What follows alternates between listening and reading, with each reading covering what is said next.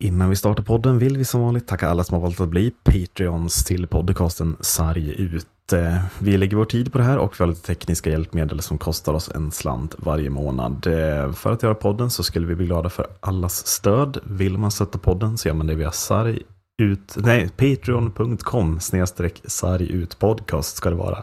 Alla bidrag betyder jättemycket för oss. Stort tack!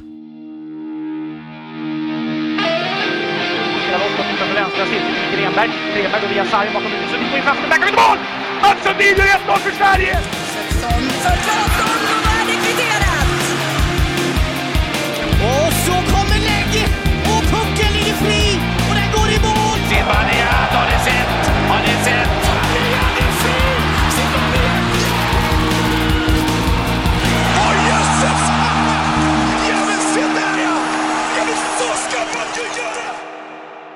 Då säger vi välkomna till avsnitt 139 av podcasten Sarg ut, Marcus. Tung Mm. tid för Modo, tungt huvud efter gårdagen ser det ut som. Eh, Men jag sa i förra veckan att det kändes som en lite lugn vecka. Mm. Visst är också känslan att när det har varit en sån lugn vecka så Mm. kommer det ofta en vecka efter där det finns lite situationer att prata om. Eller vad? Ja, nej, men det, det känns som att det alltid blir sådär, det är en lugn Ja. vecka, så sen så bara dyker det upp fem, sex olika saker. Man hinner bara, tänka så, åh äntligen kanske det blir liksom en, en längre lugn period. Nej, direkt Ja. på torsdagen så körde vi igång kändes det som. mm, Eh, men jag vill, jag, innan vi går in på, liksom, det har varit en del tacklingssituationer, det blir lite domarsnack och lite bedömningssnack här. Vi känner att det måste, men vi måste börja med att ställa oss frågan, vad har hänt med Färjestad? mm. Ja, bra fråga. Plötsligt Alltså, så är man, vadå, sju Mm. poäng efter Växjö i toppen av tabellen med lag bakom som ju jagar väldigt, väldigt nära, mm. får man ju säga. Ja, och nu är det väl inte riktigt målvaktssituationen heller längre som är, som är det stora frågetecknet bakom alltså Färjestads förfall egentligen, utan nu är väl Legacy tillbaks, Carl Lindbom är väl tillbaka i träning väl. Eh, Ja, nej, men jag menar, Brattström är ju på plats och är tydlig första keeper, så det är jag menar, nu gör man ju inte mål framåt plötsligt. Det känns som att man har offensiv för att göra mål framåt, jag vet inte. Mm. Man har alltså blivit nollade, man har gjort tre mål på de senaste tre matcherna. I tre av sina senaste fyra förluster har man inte ens gjort mål framåt. Det är ju akuta problem vi pratar om här, upplever Mm. jag. Ja, precis. Nå någonstans så känns det väl också att eller Färjestad behöver, alltså jag, jag tänkte att det var väldigt hälsosamt för dem att få en, en liten svacka också eh, i det här läget, men jag tänkte inte att den skulle övergå i när de väl börjar vara eh, lite mer åt det positiva hållet egentligen, alltså när målvakterna börjar vara friska och de har situationen löst. Ehm, men det, det Och känns så ju här att, långt ner i botten ska man väl inte behöva gå som man har gjort. Nej, nej nu, nu är det ju ändå så här, det är inte så att de har för- förfallit totalt i tabellen, men det börjar ju ändå vara lite orosmoln bakom att det är ju Mm. de här lagen som de ska utmana, framförallt Leksand också ska ju vara ett lag som man ska kunna utmana bättre tycker jag också. Ja, jo men verkligen. Eh, jag tycker också det är intressant, ehm, om man tar bort de åtta första omgångarna av, av serien, alltså om Mm. man tittar på de sista 30 omgångarna. Gissa vad Färjestad ligger på för placering i tabellen då? Ja, det, det är nog ganska långt ner skulle jag säga. Ja, då ligger man Men- åtta. Ja. Alltså, det är ändå över tid lite för dåligt resultat skulle jag säga. Att man Mm. inte är bett- har tagit fler poäng än att vara, alltså åtta om man ser till form, formtabellen de senaste Ja. 30 omgångarna. Men att man kanske hade behövt i alla fall vara trea, fyra nu när man inledde säsongen så fruktansvärt starkt som man gjorde. Då Mm. hade man ju i alla fall varit nära Växjö nu. Som ju, Växjö ligger alltså plus 15 poäng på Färjestad sen omgång åtta framåt. Mm. Det är ju väldigt, väldigt mycket poäng Ja, får man ju säga. Mm. Ja precis. Och all eloge egentligen till Växjö som fortsätter att vara så här stabila som de är egentligen. Men Ja, fan vad bra Eh, de är Växjö ja. alltså. Det är så... det, det, alltså det, det är på den nivån där det nästan blir tråkigt. Alltså ja, men alltså liksom, Jörgen, Jörgen Jönsson, alltså kan det bli mer hatten av? Alltså Ja, ta ja, över efter Sam Hallam och liksom göra det ännu bättre. Men Mm. eh, materialet, jag tycker det är så sjukt imponerande alltså. Ja, verkligen. Så att, eh, men eh, nej, som sagt, Färjestad känns som de har en del att reda ut. Eh, Jag tycker fortfarande att det, alltså, spelmässigt, det, det finns väldigt mycket positivt att hämta, men eh, det blir ju lite problematiskt när man inte, alltså, när man inte lyckas få ut det som man fått ut tidigare av produktionen, eh, Mm, mm. framför allt. Eh, Så att, ja, nej, det, det är lite oroväckande skulle jag säga. Nej, menar, jag menar, om man inte tar den där topp 2-placeringen, jag menar, det, som det ser ut nu så både Leksand och Skellefteå kan ju gå om Färjestad om de Mm. vinner sin hängmatch på dem. Och jag menar, fortsätter den här formen, då kliver nog något två, tre lag till kanske om Färjestad innan den här säsongen är över. Mm. Då slutar man femma i tabellen. Då får man ju jävligt mycket tuffare kvartsfinal. Medan Ja. Växjö troligtvis ställs mot kanske Örebro typ. Mm. En matchserie man givetvis kommer att vinna hyfsat enkelt sett till hur Örebro ser ut den säsongen kan jag känna. Mm. Och jag menar, man måste ju, vi ser hur viktigt det är att vara högt och man måste få så lätt resa som möjligt. Det gäller ju även i Hockeyallsvenskan, att tabellplaceringen blir ju viktig under säsongen. Mm. Att, att, och nu, nu har ju Växjö skaffat sig ett försprång på, på sju poäng. Mm. Ser man Växjö tappa det sista 14 gångerna in med den här formen de har nu, med hemmaspelet som är hur bra som helst. Alltså, Växjö, alltså, ja, som du säger, eloge till Mm. men jag blir liksom så här, Färjestads spetsspelare, alltså Tomasek, Nygård, Marcus Nilsson, Micke Lindqvist, Linus Johansson, Viktor Ejdsell. Alltså det är så sjukt stark offensiv som Mm. knappt gör mål. Alltså hur Mm. går det till? Alltså okej om man förlorar med 4-3 som mot Malmö borta exempelvis. Det är väl en, ett sätt att förlora. Men att bli nollade gång på gång på gång. Det sätter sig ju i skallen fruktansvärt mycket. Måste det. Mm. Ja, nej, det enda jag kan tänka att det är typ är någon form av så här nedträningsperiod där de liksom försöker boosta, eh, liksom offra lite för att boosta till att slutspelet ska vara liksom top notch. Men Mm. ja, nej, det, det känns ju som att de måste kunna hitta poäng, även om det går sämre så måste de kunna hitta poäng eh, lite oftare än, än vad de gör just nu. Så Mm, mm. Och framförallt hitta målet. Alltså Mm. noll. Det är inte bra för målskillnaden. Alltså nu, nej. Om man säger det är två 3-0 förluster och en 4-0 förlust senaste fem matcherna. Det är ju bara det, minus 10 i målskillnad. Pang, bom, swish. Det är ju jätteviktiga mål om man hamnar på samma poäng Ja, som ett precis. annat lag exempelvis. Mm. Mm. Ehm, något mer om toppen? Det känns som att de, de kommer nu, topp, alltså topplagen. Det är, Ja. Nej, men det, det- alltså, det känns ju som att det är en ganska... Skellefteå och Leksand fortsätter att vara hur bra som helst ju. Mm. Nej, men jag tycker det blir, alltså, så jag tycker det fortsätter att bli lite mera intressant topp eh, i ligan och det känns som att det är så här, det finns fler lag som har potential än vad det var tidigare när vi snackade om Mm, att så här, alltså. Färjestad och Växjö kändes ganska... Vi pratade ju för kanske två månader sedan om att finalen var helt given, Färjestad-Växjö. Mm. Det känner man ju inte alls just nu. Alltså Nej. de lagen, framförallt Leksand och Skellefteå, Mm. är ju rejäla utmanare alltså. Mm. Eh, upplever jag bakom Mm. de här lagen. Ehm, Och sen tycker jag även, alltså så här, om man ska snacka om lagen längre ner också, alltså jag tycker att Frölunda, Frölunda Timrå kommer in som en liksom underdog in i den här mm. toppen som ändå så här, alltså Timrå ser mycket bättre ut än vad de får ut, eh, tycker jag. Eh, och sen eh, Frölunda har lite upp och ner, absolut. Linköping har halkat av lite, men Jo, Nej, men alltså, menar, samtidigt också så här, tittar man på Luleå och Linköping. Luleå, sex raka segrar innan man då förlorar mot Dark Horsen Linköping nu under Mm. lördagen. Det är ju lag, Linköping har ju visat form, inte på slutet, men de visar ju här att vi kan ju slå vilket lag som helst. Alltså Luleå borta med sex raka segrar i ryggen. ja. Det måste vara en av de svåraste matcherna du kan spela i det här Mm. läget av säsongen. Åka Ja, över hela Sverige dessutom. Jag menar, alltså kan Linköping vinna en sån match, då kan de ju slå vilket lag som helst på bortaplan. Och Luleå har ju uppenbarligen visat att de har också en nivå i sig där man kan vinna väldigt många matcher i rad. Så det är inget slutspel där man känner att det blir några enkla 4-0-segrar sådär i matcher, utan det kommer ju Mm. vara väldigt tuffa, alltså redan från kvartsfinal och framåt. Mm. Känner väl jag. Och vi går in på lite domarsnack då. Eh, Eller lite bedömningsprat och situationsprat. Det är väl framförallt tre situationer, fyra situationer jag tänker på. Var ska vi börja? Tyrväinen mot Keito. Eh, Gutaris tackling. Palola på Hasa. Var, känner du att vi vill börja någonstans här? Jag tycker det är så intressant att det, det skedde typ ingenting förra veckan. Alltså nu sitter vi och så här, vad, vad är vi ens ska Vilken börja av alla någonstans? situationer ska vi prata om? Ja, Eh, precis. Nej, men jag, jag tycker väl, det, det är väl intressant att snacka om Tyrväinens eh, sit- situationen där. Eh, Mm. Jag tycker att den, det var den som jag snackat mest om själva också och det har varit mycket snack runt omkring Det är framförallt den som, som Adde har tagit upp i vår chattgrupp, domare Adde. Eh, Mm. Så, som vi, och där är ju vi, där vi ju aldrig kommer att komma överens. Eh, eh, och det är ju också roligt när vi inte gör det. Eh, Så Mm. att vi kan diskutera på sån nivå och ändå vara vänner efteråt. Mm. Det här sker ju in i den tredje perioden.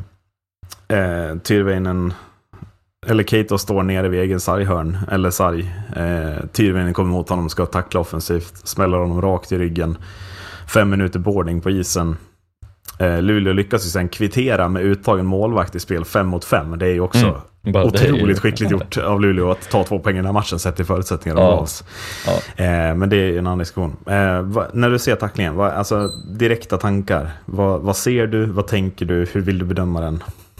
Så vidare och så vidare. Eh, Ja, alltså så det, det är väl en situation där pucken går ner i hörnet och han är väl alltså, glidandes ner på väg väl ganska långsamt. Precis. Alltså slår upp blicken och kikar bakom ryggen och så vidare. Eh, Tirveinen kommer in, han tacklar liksom, alltså jag tycker att tacklingen är ganska, det är en tuff tackling oavsett om det är... Och det är ju eh, tydligen känd för att dela ut tuffa Ja, tacklingar. Liksom. absolut. Har delat ut flera riktigt fina smällar genom åren. Mm. Absolut, och jag tycker att eh, i det här fallet, alltså domarna gör helt rätt. Jag tycker inte att det är ett matchstraff, men jag tycker heller inte att den ska vara helt en tvåa. Så, så jag tycker att det, i det här fallet så väljer de en, en Mm. femma på isen ganska, eh, ja men, det, det är det som de ska ta, tycker jag. Eh, för det är en tuff tackling, det är en boarding oavsett om han hade liksom, hade varit upprätt eller inte, tycker jag. Eh, Mm. så att det är den första känslan som jag får, att den är ganska korrekt bedömd. Eh, utifrån det. Och det är väl där som vi liksom har haft delade meningar med, med Adde också, som tycker att det här ansvaret bör ligga på Kato. Det är ju den här diskussionen som jag tycker kommer upp alldeles för lite. Framförallt i tv-sändningarna. Eh, för att där sitter gamla spelare, gamla tränare eh, med tydliga åsikter att allting är mottagarens ansvar. Och jag håller med dem. Alltså Matt Cato i den här situationen, han tittar bakåt två, tre gånger och ser att Tyrväinen är på väg. Det krävs ingen större hjärnkapacitet att fatta att Tyrväinen kommer troligtvis tackla mig. Mm. Eh, men med det sagt, ligger det någon, något slags kutymskt krav på Kato att då vända upp sig och ta emot den här tacklingen så att han inte får den i ryggen?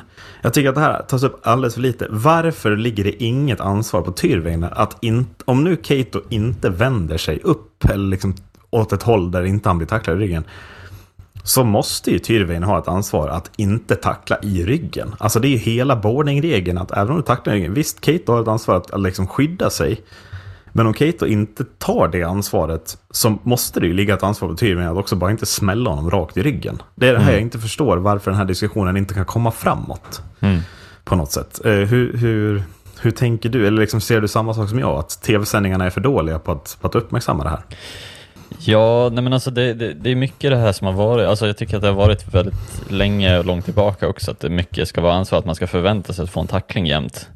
Eh, I alla olika lägen och så vidare. Och det, jag, jag köper det också, att det är klart att man ska vara beredd på att det kan komma en tackling i de flesta fall. Jag tror att de flesta spelarna är ganska medvetna och ganska med på de flesta situationer. Det man inte kan säga är ju att så här, om det, är, om det är en tackling som, som Tyrväinen gör, som han ser att han är i ryggen, alltså det är klart man får tackla i ryggen. Så, men det handlar ju om, om eh, känslan och respekten för spelaren. Och så så här, Har han ryggen mot, ja men det är ganska uppenbart att spelaren inte kan ta emot en, alltså så här, det behövs inte en så hård tackling för att vinna pucken i det läget. Nej. se det så. Och, nej men, och jag tycker också att diskussionen, där, där blir ju att så här, i tv-studion står man gärna och säger, titta på Kato, titta, han, han, vänder, han, han vänder sig om en, två, tre gånger. Han ser honom hela vägen, han vet ju precis vad som ska hända. Men om man vänder på det och säger samma, Tyrväinen så här, Tyrväinen kommer, han ser ju att Kato inte, han vänder sig inte upp, han vänder sig inte upp. Han ser en, två, tre gånger att Kato inte vänder sig upp. Och ändå tacklar han. Det går ju att använda samma retorik och argument från Mm. liksom den här sidan. Och jag känner som du att Tyrväinen behöver inte smälla honom rakt i ryggen. Han kan ju gå in på sidan och vinna pucken ganska enkelt, för Kato har ju uppenbarligen ingen uppsyn. Och, och alltså som sagt, jag kan tycka att Kato gör det ganska dåligt. Han skulle ju behöva ha bättre liksom, översyn över situationen. Nu står han mest och väntar på tacklingen. Jag vet inte om det är tanken från Kato, men att... Nej, men jag, jag tror också, det, det är som du, du säger också, så här, ja det är klart att han, det Kato vill förmodligen är ju att eh, Tyrväinen ska välja ett håll. Alltså Ja. att om, om han går in så som du tänker att han ska gå in från sidan, ja då kommer ju Mm. Kato vända sig åt andra hållet för att liksom försöka bli av med Tyrväinen Men det i är det svårt läget. för Kato att, att, att om han inte vänder upp sig mer än- än vad han nu gör, att se vilken sida Tyrväinen väljer. Mm. Tyrväinen kan ju åka, åka fram och låsa fast honom ganska lätt vid sargen. Sen är Mm. Tyrväinen väl, alltså det är en av de absolut starkaste spelarna runt sargerna i hörnen. Alltså han är ju väldigt, väldigt stark. Mm. Jag tror att han kan vinna ut den där pucken om han låser fast Keito. Och sen Mm. verkligen jobba skridskor mot klubba mot puck. Jag tror han vinner loss pucken liksom. Mm.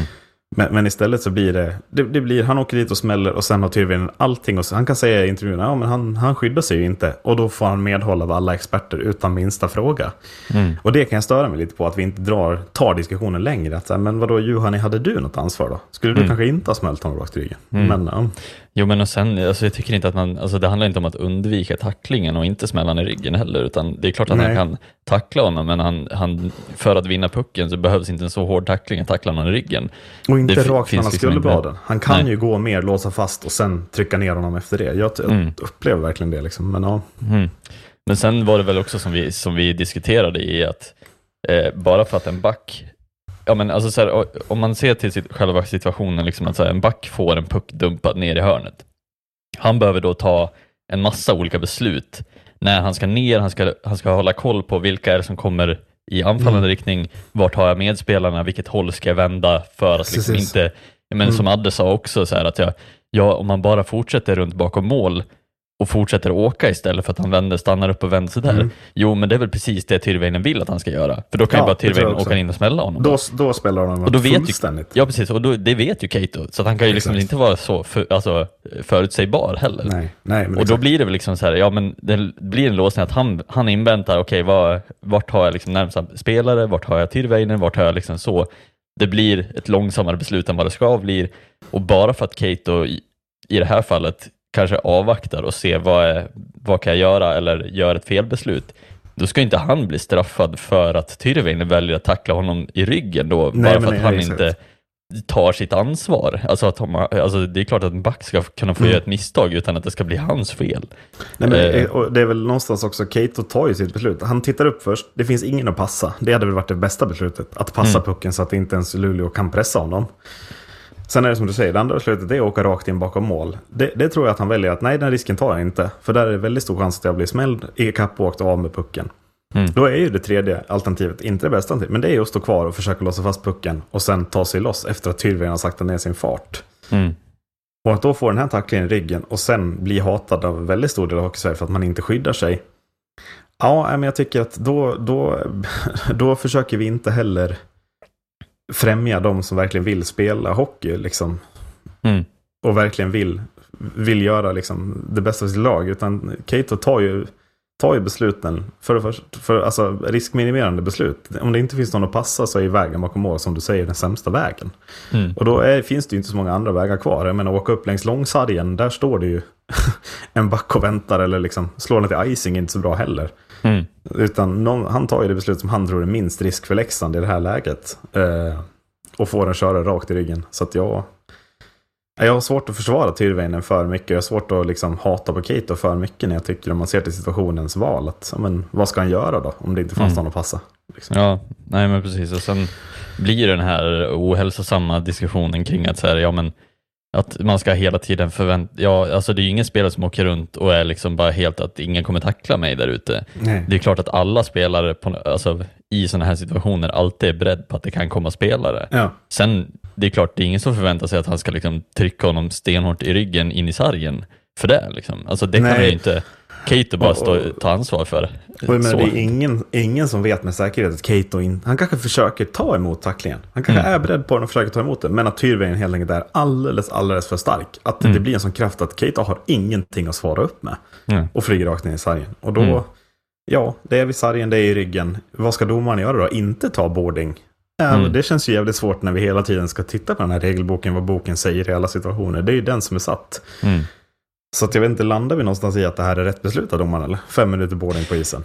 Eller Ja, vad hade du? absolut. Alltså, Ska jag- det vara en tvåa? Ska det vara matchup? Eller vad känner du? Nej, alltså jag, jag tycker att den är, den är tillräckligt, alltså den är, inte, Mm. den är inte vårdslös på det sättet att det Nej, blir en matchstraff. avstängning känner man ju inte att det behöver hamna. Det är ju inte Nej. Albin Greve mot Jakob Norén i Mora liksom. Alltså Nej, så. precis. Jag tycker bara att det är, det är en för alltså en våldsam tackling nära in Mm. till sargen och det blir ett avstånd till sargen Och, Ja. nej, men jag, ty- jag tycker att det är helt rätt beslut egentligen. Ja, så att, det, och lyssna, lyssna noga, det här är alltså vår åsikt om den här sessionen. Det är alltså Mm. rätt beslut av domaren. Mm. eh, vi går vidare. Eh, nästa tackling. Nu måste vi ta någon där vi inte tycker domaren tar rätt beslut. Så vi tar Mm. Jutari. På, Mm. vem då? Vem tacklar han? Det har jag inte en blekaste aning om. är det relevant? Det kanske det är. Ja, jag tror Det är någon det. i det- Linköping i alla fall som Ja. blir tacklad. Mm. Precis. Eh, ja, och hur såg den tacklingen ut nu? Nu nu blandar jag ihop dem till och med. Ja, Det är Linköpingsspelaren kommer ju eh, mitt i mittzon kan man säga. Eh, Guittari ställer ju skridskorna på sidan, glider ju hela vägen, alltså tar ju inte ett skär och sätter Linköpingsspelaren inte i huvudet eller någonting utan ganska rakt i bröstet. Mm. Det här blir matchstraff för interference. Mm. Just det, nu, nu Ehm. är jag med på vilken det var. Nu är du med, Marcus, vi, Marcus är lite bakfull, vi skyller på det. eh, men, men att jag... Jag känner lite den här veckan, vad fan hände med två minuter interference? Mm. Vi kommer till en till situation där jag känner samma. Ja. Att, eh, Ja, nej, jag håller med. Alltså, jag, jag tycker att i det här fallet, när man tittar på den eh, och, och ser hur dels eh, hastigheten som Guitari kommer Mm. in i, eh, hur han har committat för tacklingen på det Mm. sättet, hur han re, res, alltså med respekt ändå ser att okej, det är från blindside, så jag kan Mm. liksom inte, jag kan inte trycka den här hur hårt som helst. nej, Han glider ju i princip rakt, alltså rakt så tacklingen. exakt samma På sida, en alltså. spelare som uppenbart är tacklingsbar. Ja. När- Alltså i det här läget när han sätter fart för den här tacklingen. Alltså typ mitt på blå linjen nästan, Ja, alltså precis exakt. ovanför Mm. cirkeln. Alltså det känns som att det är en sån zon där, där, där vi snackar om det här med ansvaret. Alltså så här, det är ganska förväntat att du kommer att bli stoppad av någon när du Jo, är men, mitt i centrala Mm. liksom, zonen. Så. Nej, så att den här, alltså jag, ty- jag tycker att man, man lägger för lite vikt vid hur väl, ut, alltså, väl utförd själva tacklingen är av Precis. Guitari. Att han, han lägger ingen extrem kraft bakom, han tar ingen extra fart, han bara glider in och stoppar spelaren, träffar Ja, exakt. Alltså, och sen att det är två minuter interference kanske, för att han hinner ju slå iväg pucken. Jo, sen nej, att, men, och och det, det är lite det jag vill komma till. Förlåt, avbröt jag dig. Ja. Eh, Men att, alltså det som är grejen här är ju att Linköpingsspelaren hinner precis spela iväg pucken, sen blir han tacklad. Två minuter interference är helt solklart. Alltså Mm. för, och det har ju, men det har för mig bara att göra med att han tacklar en spelare som, inte har, som har hunnit spela iväg pucken till en annan medspelare. Alltså att det blir någon form av obstruktion, alltså interference. mm, Det, det, det är utifrån det jag tycker att det är två minuter. Men säg att den här Linköpingsspelaren hade haft kvar pucken. mm, Alltså har haft pucken vid sig och fått den här tacklingen av Guitari. Menar då folk att det här ska vara fem minuter då? mm. Eller är det verkligen bara att det är att pucken hinner spelas iväg som är anledningen? För att om det här ska vara fem minuter om Linköpingsspelaren hade pucken, Mm. då är vi ju jävligt på väg. Alltså då, det här är ju för mig, precis som du säger, en helt klockren tackling. Den är helt korrekt utförd. Han sätter den absolut inte i huvudet, även om det blir en... Alltså, men Linköpingsspelaren är ganska låg. Det blir klart, det blir en, han kan ju inte krympa ihop helt Guitari. Men han, Mm. han böjer sig ändå neråt för att inte träffa huvudet. Det är ingen uppåtgående kraft, utan det är rakt på kropp. Mm. Nej men för vi, vi, vi dyker ju alltid tillbaka i den här, vad, alltså så här, vad skickar det för signaler till spelarna, vad skickar det för signaler till liksom ligan som helhet? Att så här, vad är en korrekt tackling? Eh, Mm. och vad är inte en korrekt tackling? Alltså det, snart blir det ju liksom att om, om vi ska ha så olika bedömningsnivåer på vad en ful tackling är och vad en, en ganska klockren tackling är, vad, vad är då en rätt tackling överhuvudtaget? Mm. Alltså, vad, ska Gitarr bara skita och tacklas överhuvudtaget då? Alltså, så här, det känns lite som att, här, ja, han går ju in med helt rätt inställning i den här tacklingen från första Mm. början. Helt rätt stance, helt rätt liksom hur han utför den. Gör ingen mer rörelse, han typ åker Nej, men i alltså, princip in i honom bara. Jag är lite inne på att liksom, alltså så här, ska man visa för ett gäng tioåringar hur man tacklas så är det här en bra film att visa. Så här gör man en korrekt tackling. Mm. alltså, det, det är lite på den nivån jag landar. Ja. Jag tycker det är, det är helt uppåt väggarna att, att gitarrer alltså blir avstängd en match för det här. Mm. Eh, ja, domarfråga på Twitter, ska vi nämna det kontot? Eh, det är väl ett haveri av Guds nåde måste jag säga. Eh, men det kontot visar ju på den här avsaknaden av förståelse i känsla för spelet. Alltså att man, man tittar bara, ja det är late hit eh, och då ska det vara fem minuter. Ja, men, alltså, men Kanske i division 3 med lite vårdslösa spelare, men menar, det här är på högsta nivå med högt Mm. betalda spelare. det, det känns verkligen som skolbok, två minuter interference för mig.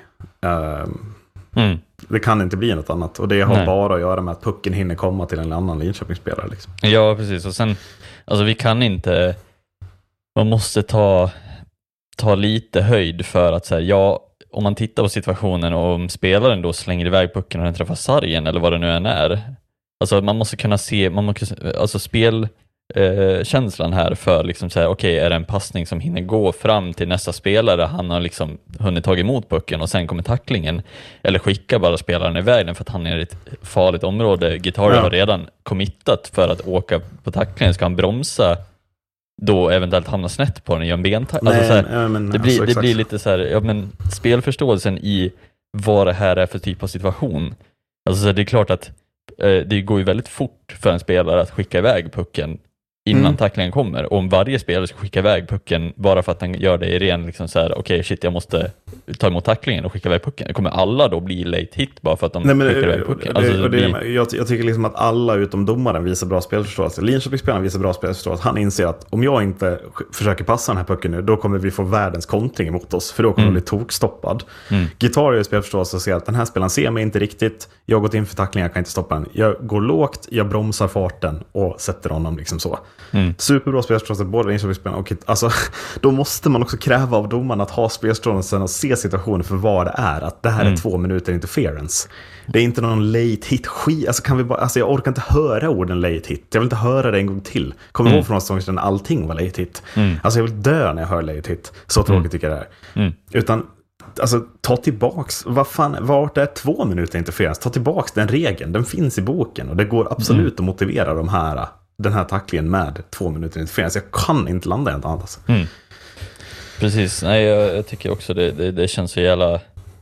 Eh, det, det blir ju det här ansvaret som är liksom så här, vad, vad, när ska de committa för en tackling i så fall? Alltså det blir Mm. lite det också, så här, vad, när ska de hela tiden vara rädda för att spelarna precis innan ska liksom hinna passa innan de ska tackla eller ska vi liksom Nej, hela men, tiden det, vara... det kan inte heller vara att spelaren du tacklar måste se dig. Du Mm. måste ju kunna tackla en spelare som tittar åt ett annat håll.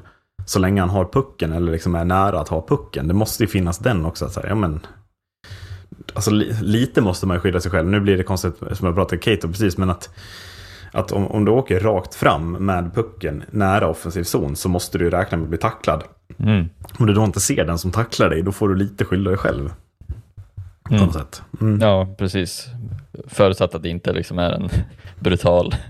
Nej men det är det, hade blindside Guitar heller, men gått, ja, hade gått in och alltså med flera skär stenhårt smält honom, kanske träffat rakt i huvudet, då är den ju jätteful på ett annat sätt. Mm. Men, men jag tycker just som, som du sa tidigare, Guitar gör ju allting för att det här ska vara en jättebra tackling och han blir ändå bestraffad för det. Och det gör lite Mm. ont i mig att vi inte Mm. har kommit längre med all tekniska hjälpmedel som finns.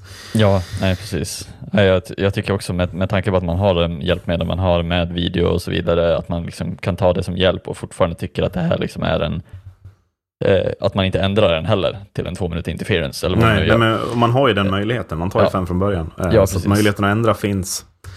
Dåligt att man inte tar den möjligheten tycker jag. Mm. Eh, Nej, så, så generellt handlar det ju mer bara om, om känslan kring vad, vad bestraffningen ska vara i vissa, alltså vilka situationer. Mm. För att nu känns det ju bara som att så här, ja, vi bestraffar ju både då, alltså, eh, fula grejer men också de bra grejerna eller de mindre fula grejerna på samma Mm. sätt som vi gör med de fula grejerna.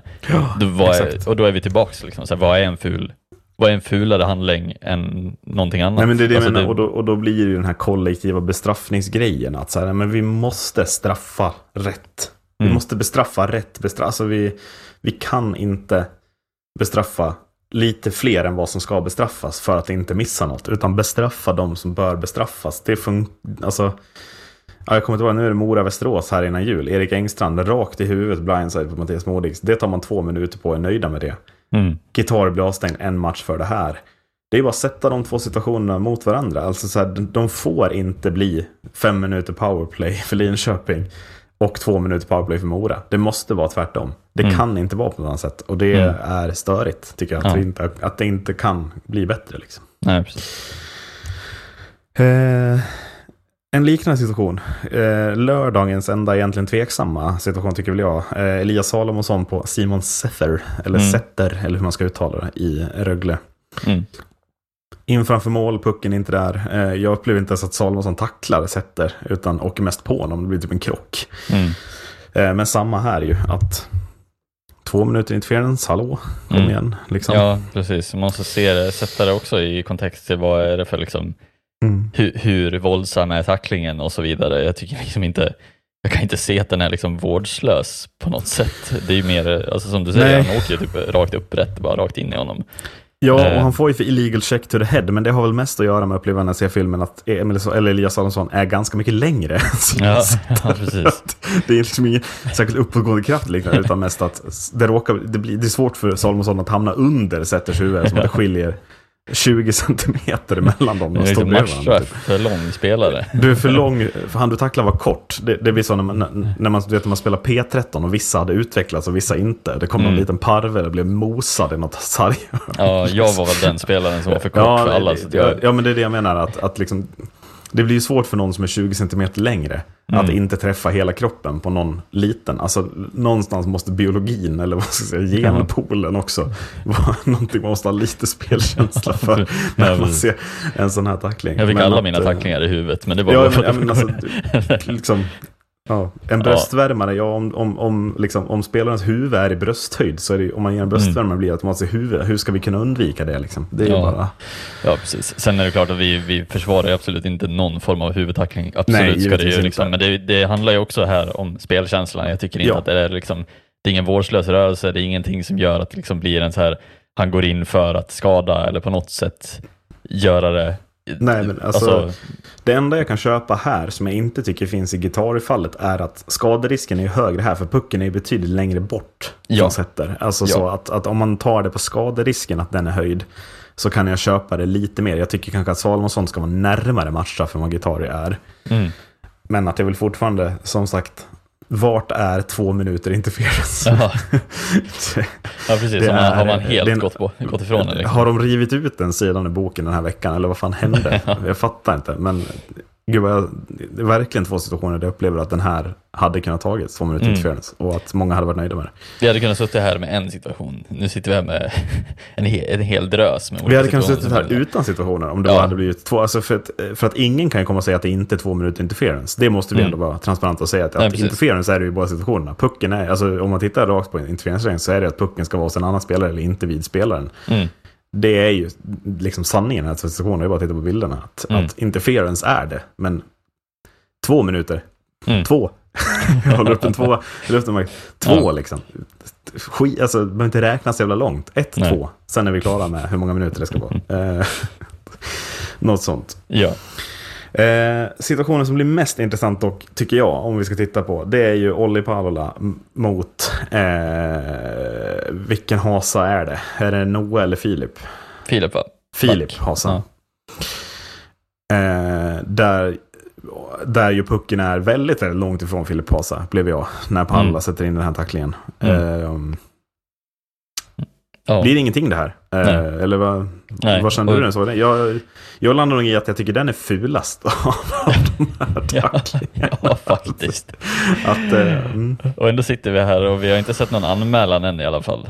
Nej, Eller, nej. Verkar som. De tog ju Eh, inget i matchen, det blir svårt att nej. anmäla något tror jag då. Ändå dyker det upp liksom ett ganska liksom, ja vad som än, klipp från eh, när alltså Filip Hasa kliver in i båset. Klippet har ju Eh, blivit väldigt uppmärksammat, det är ju väldigt fint. säga. Mm. Han, han tappar ju luften totalt, Hasa. Kliver ju rakt in i Oskarshamns bås och behöver hjälp Mm. att andas. Och får ju hjälp av Viktor Lodin och någon mer. Och det ser ju väldigt, väldigt Mm. härligt ut. Det ser ut som att han står och kramar dem, men det handlar om att han ska få tillbaka andningen. Ja, sätt. precis. Men att det blir mer fokus på själva liksom, den grejen, absolut, tycker jag Mm. också väldigt fint gjort. Av, Ja, att se ja. liksom, att okej, det här är en spelare som har tappat luften, vi behöver hjälpa honom. Liksom. Mm. Det är ingenting som, så här, det är ingen som skyfflar ut honom ur båset bara för att Nej men precis, och det, Eh. det, det hade varit så himla trist om det hade blivit så att någon Ja. hade bara skickat ut honom ur Mm, jag tror att det blir liksom första i- instinkt också från Hasa, att han bara, ja men jag måste... Hjälp mig, hjälp mig, hjälp mig. Han får väl någon form av andningsnöd antar jag. Ja, precis. Och ändå kliver av isen, det är bara starkt det, att här, inte vara kvar. Alltså så här att han vill ändå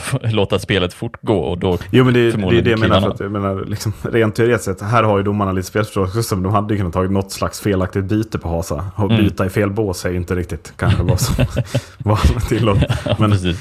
men det gör man inte, för här har man ju lite spelförståelse tycker jag. Men Mm. man har ju inte spelförståelse att titta på situationen. Eller man Nej. ser den ju uppenbarligen inte, vilket är Mm. jävligt synd för att jag tycker inte att Filip Hasa är tacklingsbar i den här situationen. Jag tycker Nej. han skickat iväg pucken alldeles för länge sedan.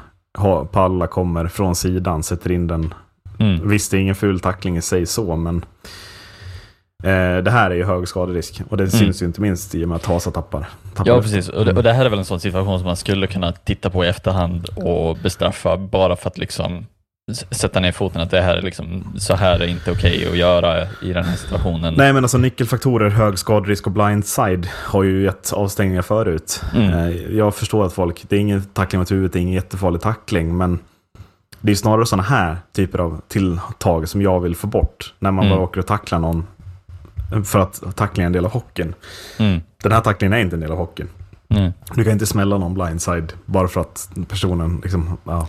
Nej, precis. Och han har det? skickat iväg pucken. Det finns liksom inget syfte att vinna pucken i den här situationen heller. Som Nej, och det är ju liksom i, i Palola är ju fortfarande kvar liksom offensiv zon. Så Ja. Hasa i defensiv zon. Det finns ju ingenting som liksom motiverar att det ska vara för försvarsspels skull eller så heller, Mm. tycker jag.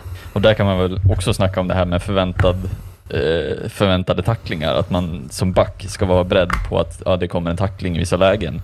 Det här Mm. är ett sånt läge som alltså, Filip Hasa inte förväntar sig att få en tackling överhuvudtaget. Och ska inte behöva göra, tycker jag. Nej. In, inte, från, inte från blindside. Kommer. Palla framifrån sig är en sak, liksom så. Men Ja, precis. Eh, så det här blir ju indirekt en, en sån fel, alltså sån dålig situation som vi vill få Mm. bort från hockeyn egentligen. Så. Mm. Ja, jo, men, men är du med mig eller? Tycker du att den här borde ha bestraffats hårdast av, av de här Salomonsson, Gitarr, Ja, så Palla? baser, ja, precis. Alltså baserat på det som jag sa tidigare egentligen att jag tycker att den här, det här blir mycket mer så här, om man tittar på den med lite spelför, spelförståelse från domaren i efterhand. Nu Mm. förstår jag att de missar den på plats för att pucken har gått ifrån situationen. Ja, Men att man tittar på det, man har bilderna, man har liksom så här disciplinen har ju varit bra på det innan och, och eh, liksom gallrar ut de här eh, i Mm. efterhand. Och jag menar den här typen är ju liksom, den går ifrån det som är hockeybaserat.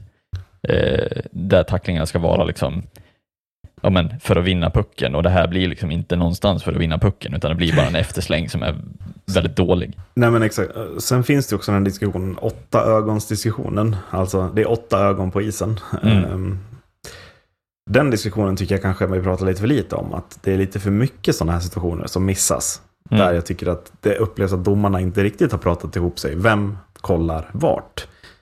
Jag tycker inte att en domare, på, alltså när det finns åtta domarögon i en av världens bästa ishockeyligor så tycker inte jag att någon, de har inget argument för att inte titta på den här situationen. Någon kan, borde ha ett öga ditåt, upplever Mm. jag.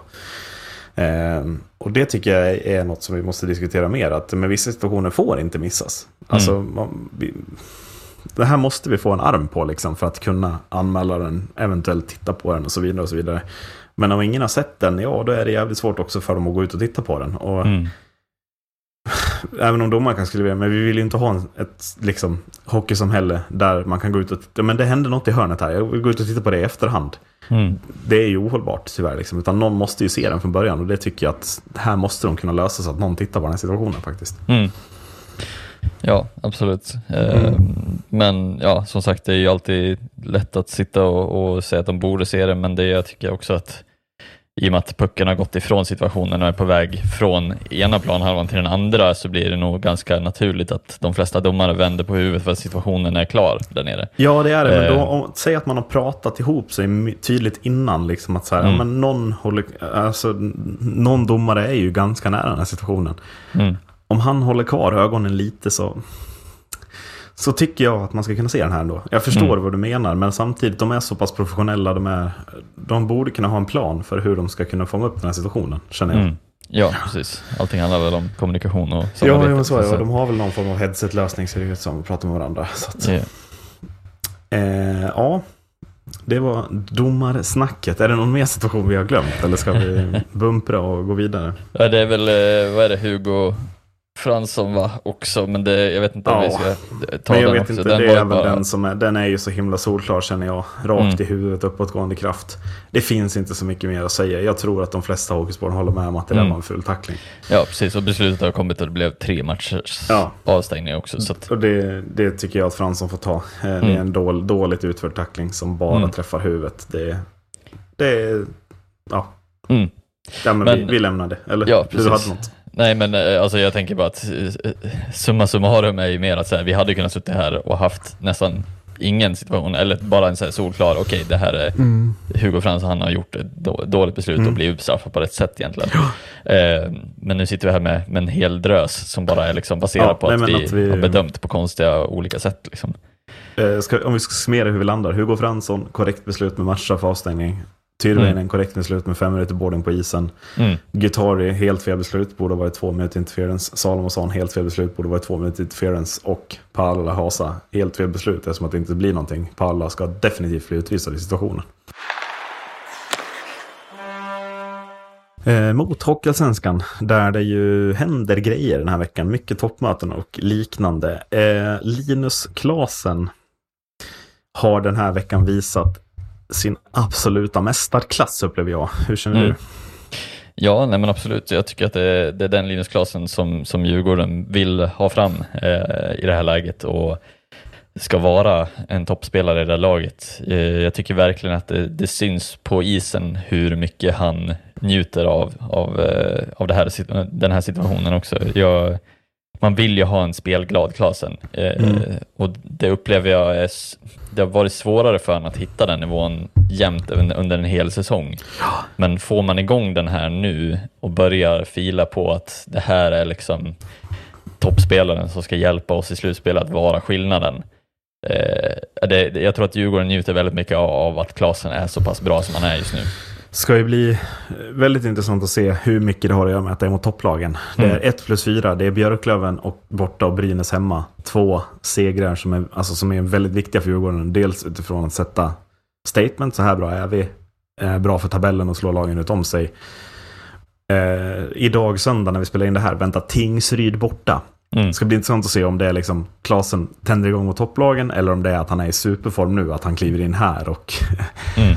och liksom också är dominant mot Tingsryd borta eller vad som kommer att ske. Ska bli intressant tycker jag. Ja, absolut. Och sen, jag, jag tycker väl ändå att så här, det är fine om, om man bara har liksom den extra tändningen mot topplagen, för det är ju någonstans där som, som det ska vara skillnaden. Eh, jag tycker inte att han ska behöva vara skillnaden mot bottenlagen. Då tror jag att Djurgården har större problem egentligen.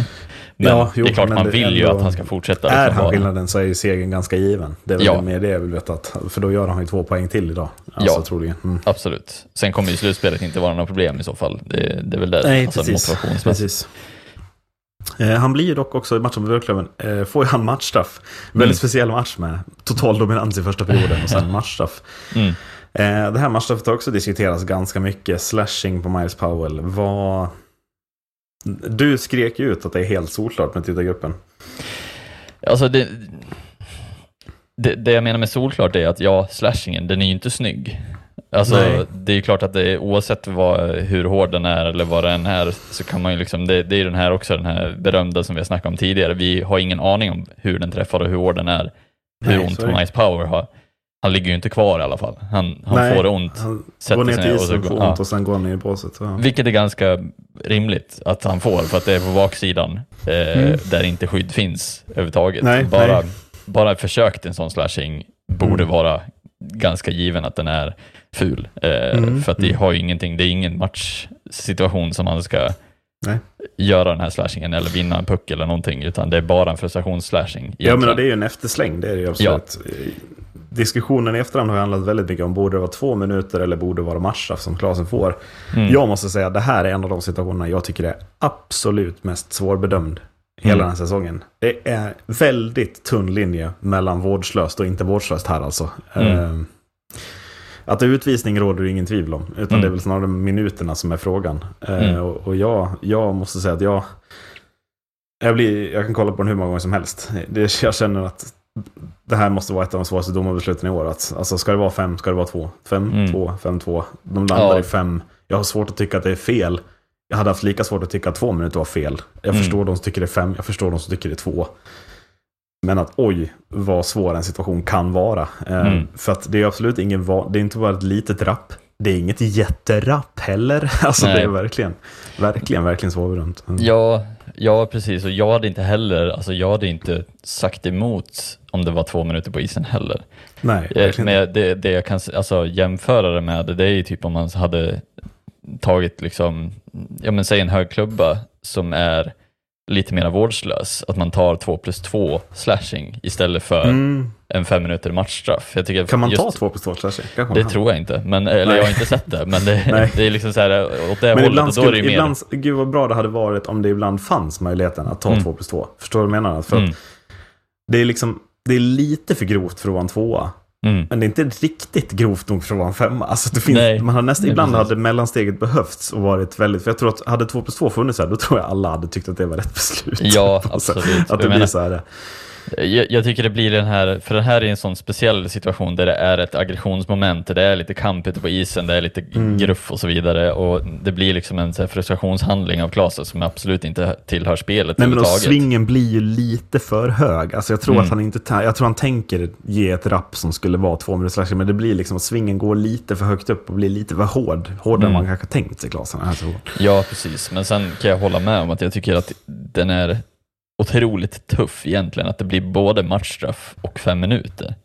Eh, Jo men det är klart, det blir ju fem minuter när det är matchstraff. Men att det, jo, men alltså så att det bara det finns väl inte fem vara minuter. Det finns Nej, väl det inte fem finns det. Det är väl det som är grejen. Att, Ja. att här saknas väl lite mellansteget, Mm. upplever jag. Att vi hade nog behövt ha det. För att jag upplever också att det ska vara hårdare bestraffat än två minuter. Men att han ska lämna isen och inte få vara kvar Mm. känns ju väldigt, väldigt hårt. Det håller jag Mm. verkligen med dig om.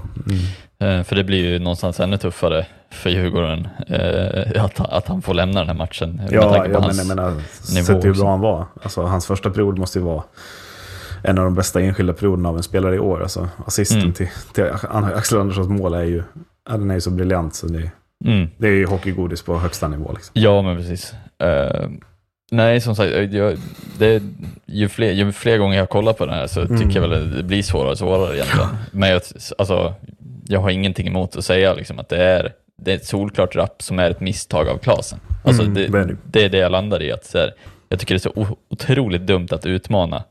Eh, och det gör det otroligt eh, lätt för domarna att ta bo, alltså både och egentligen. Alltså, så här, eh, för att det finns ingenting som skyddar Klasen i att säga ja men det där är okej att göra. Det gör det Nej, inte. nej, nej, men det är, alltså, det är helt rätt. Alltså utvisning är det ju alla dagar i veckan. Eh, liksom. sen, men sen är det sett att den här bo, regelboken, det är så många sidor, det är så många regler, det är så många tolkningar.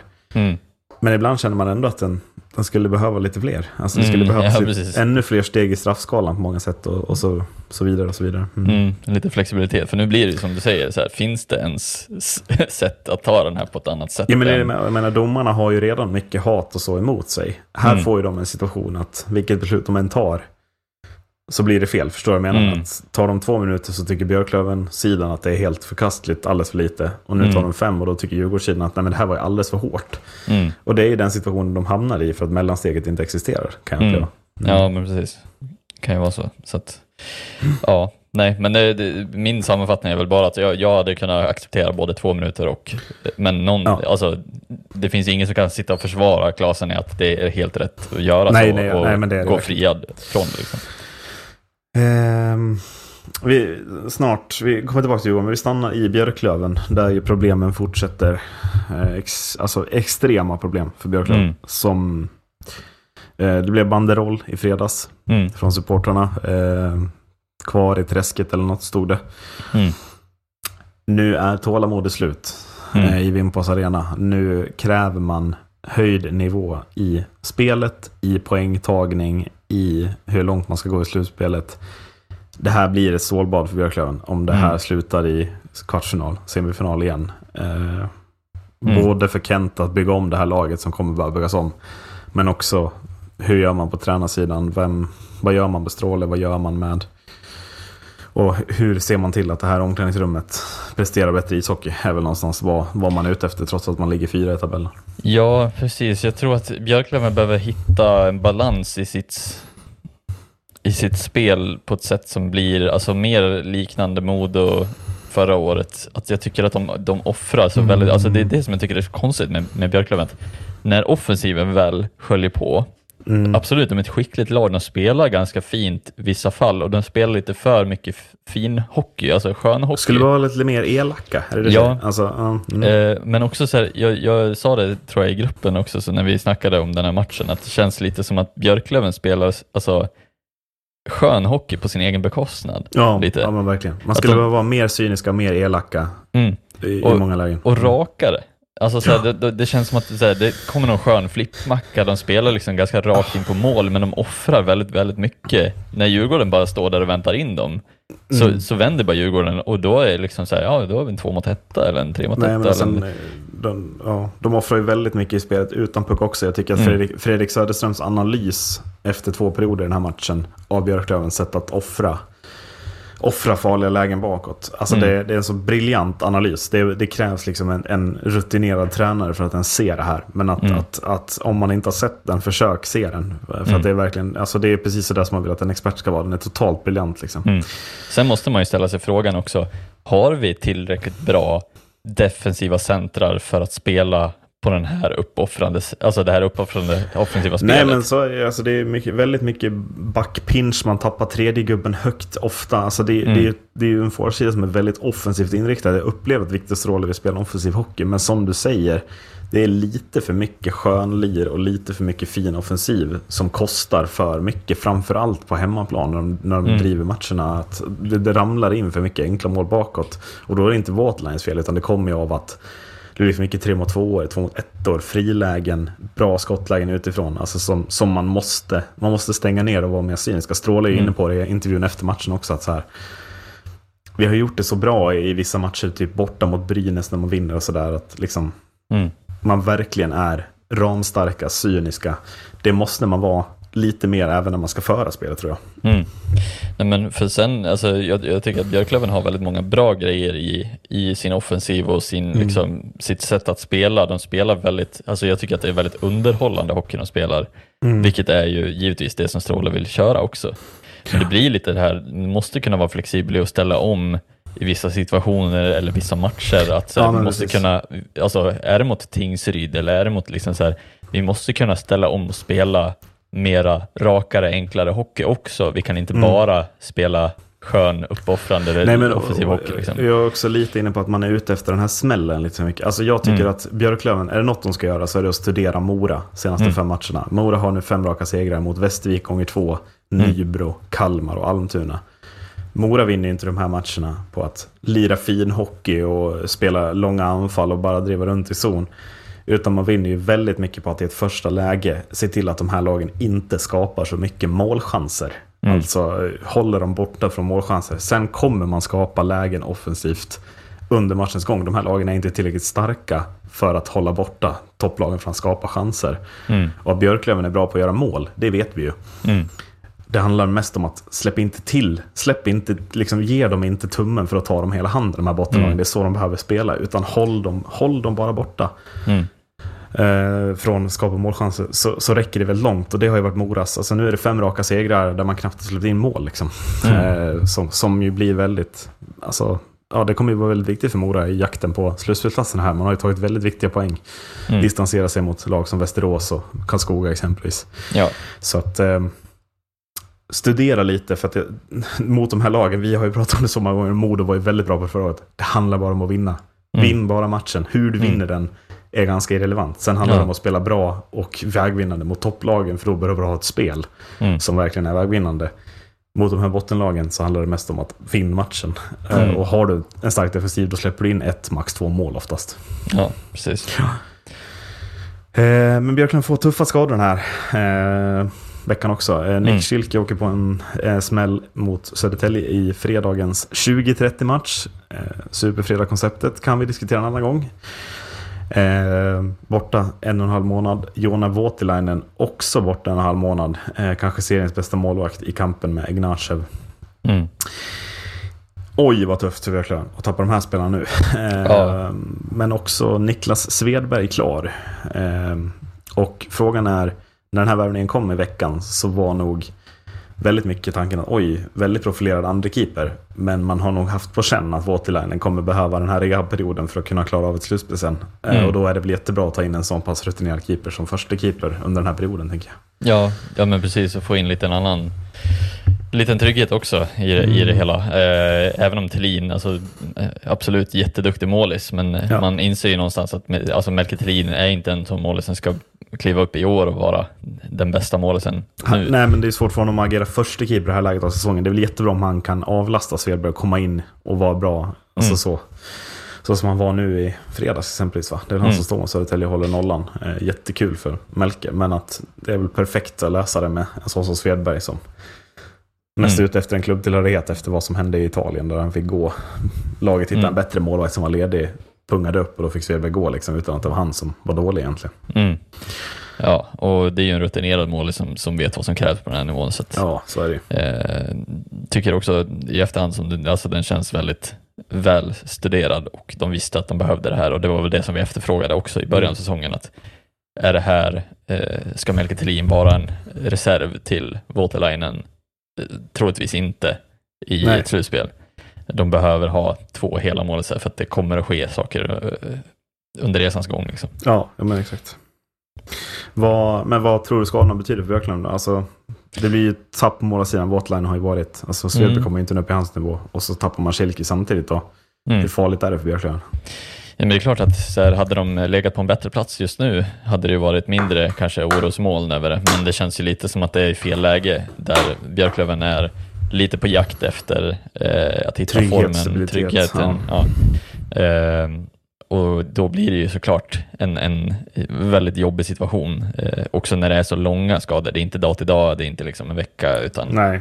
Eh, och då blir det lite så här, ja, man kanske är på jakt efter att och jaga in någon till värvning eller någonting sånt där också. Och det blir lite så här, man hade velat kompletterat med det, inte behöva laga bygget liksom. Och framförallt inte med. Svedberg heller, som, som du sa också, att det är en profilerad andra målis, men Mm. man vill inte gå in med Svedberg i slutspelet troligtvis.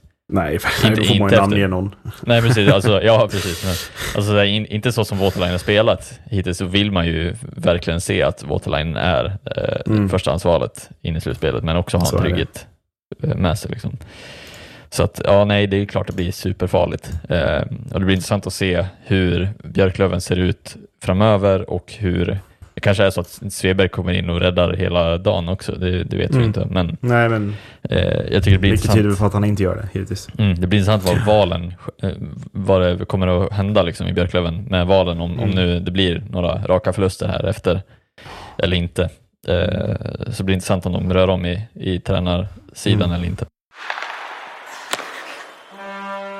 Att hitta bra spelare på marknaden verkar ju dock ganska tungt. Ehm, John Dahlström har gått dåligt i Oskarshamn hela den här säsongen. Han, ja, ja, han är klar för Djurgården. eh, Efter en jakt mellan Brynäs, AIK och Djurgården. Det är alltså tre av allsvenskans absolut bästa lag som Mm. jagar John Dahlström inför ett slutspel som ska komma Mm, Oj, vad tunn marknad. Om det här är spelare som sådana lag är ute och jagar, upplever jag. mm.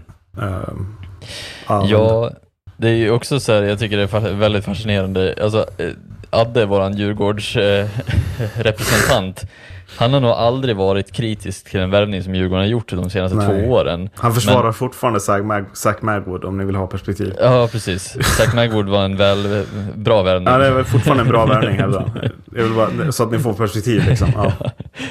Men när, när han skriver ut i, i vår gruppchatt och säger Vad är det här? Ja. där, där, eh, som bakgrund också så har ju Djurgården dessutom samlat in från fansen till den här värvningen. Eh, eller till två värvningar blir det väl. Men Man ska väl smälla allt vad man kan på en center, eh, verkar det som. Eh, Ja, Magwood-pengarna finns ju över. Magwood är klar för eh, Innsbruck och har ju, de har ju tagit hans lön. Så där finns det ju utrymme plus de här pengarna. Och då, men man lär ju jaga på en jävligt stor, alltså dyr hylla verkar det ju som. Mm. För att på de här lite billigare hyllorna finns tydligen John Dahlström. Och Mm. eh, alltså, det är, alltså, jag kritiserar värvningen. Jag tycker att det är en dålig värvning av Djurgården. Jag tycker inte alls att det är en spelare som kommer tillföra någonting. Det som gör mig helt paff är när man hör att ja, men AIK och Brynäs har varit med i racet om den här spelaren hela vägen och trissat priset typ. Ja, Alltså och, att Brynäs vill ha den här spelaren.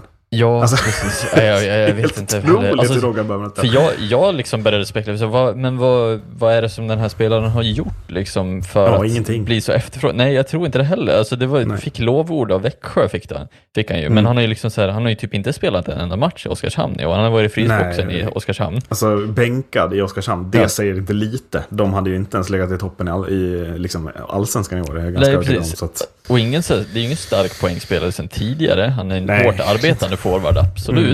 Mm. det är fjärde line-lirare liksom. Ja, och, och sen Mm. så bara blir han lånad sex matcher till Växjö. För att täcka deras skador liksom. Ja. och gör ett mål på de sex matcherna. Mm. Och då är det liksom som att hela allsvenskan bara, oh shit, här öppnas det upp en lucka. Liksom. Som att han liksom inte har existerat tidigare. Mm. Och jag, vet, jag, jag ser liksom inte vad, vad är det som gör att de lockas av den här ty- spelartypen. Vad ska han tillföra i Brynäs? Vad ska han tillföra i Djurgården? Vad, är, Vad ska är han tillföra liksom- i AIK? Nej men alltså det är det, det, är det, och det är det jag menar. Hur, alltså marknaden, man har förstått att den är tunn. Men hur tunn är den? Om det är det här som toppklubbarna i Allsvenskan Mm. Ja. jagar efter. Alltså det här är ju vad Östersund ska jaga för att klara sig kvar. Mm. Är en sån här spelare. Ja. Alltså det är helt overkligt liksom. Mm. Eh, så att, nej, jag, jag, alltså, så är jag helt paff. Jag, fatt, jag Mm. fattar liksom inte vad... För, vad för sen också som, som i Djurgårdens fall, ja absolut att man har, man har en del skador, man behöver bredda truppen, man behöver liksom göra eh, sådana grejer. Men jag tycker att de har gjort det, alltså nu har jag varit väldigt kritisk till Djurgårdens tidigare val av juniorer när de har satt dem så pass högt upp i hierarkin. Mm. Nu har man valt att lyfta upp juniorer för att fylla tomma platser. Exakt. och de har gjort gör- det väldigt, gör väldigt- Ja, ja. väldigt bra. Mm. Och när de gör det väldigt, väldigt bra, då väljer man att ta in John Dahlström då, som kommer att peta en av de här killarna som har, kommit upp och gjort det väldigt bra på den här nivån. Och Djurgården som ligger i en ganska bra uppåttrend också för den delen. Mm. Mm. Och då ska, jag, jag, jag, jag, förstår liksom inte, vart ska han gå in sen också? Blir han en tredje, fjärde? Det känns ju helt värdelöst att ha Nej, lagt jag- pengar alltså, på det här. Men, men jag undrar också lite så här om vi tittar på, på Djurgårdens uppställning. Alltså om vi tittar mot Brynäs när de vinner exempelvis. Alltså, är det en junior han petar? Är det inte Albin Greve som ryker av världens väg här i fjärde Mm. line? Liksom? Mm. Men också varför värva, varför ers, alltså, så akut är det inte att ersätta Albin Greve. Alltså i fjärde line i Allsvenskan duger väl han lika gott som någon annan? Mm. Eh, Eller vad är liksom, vad är, jag fattar inte vad man ska ha med honom till. Det är mest det.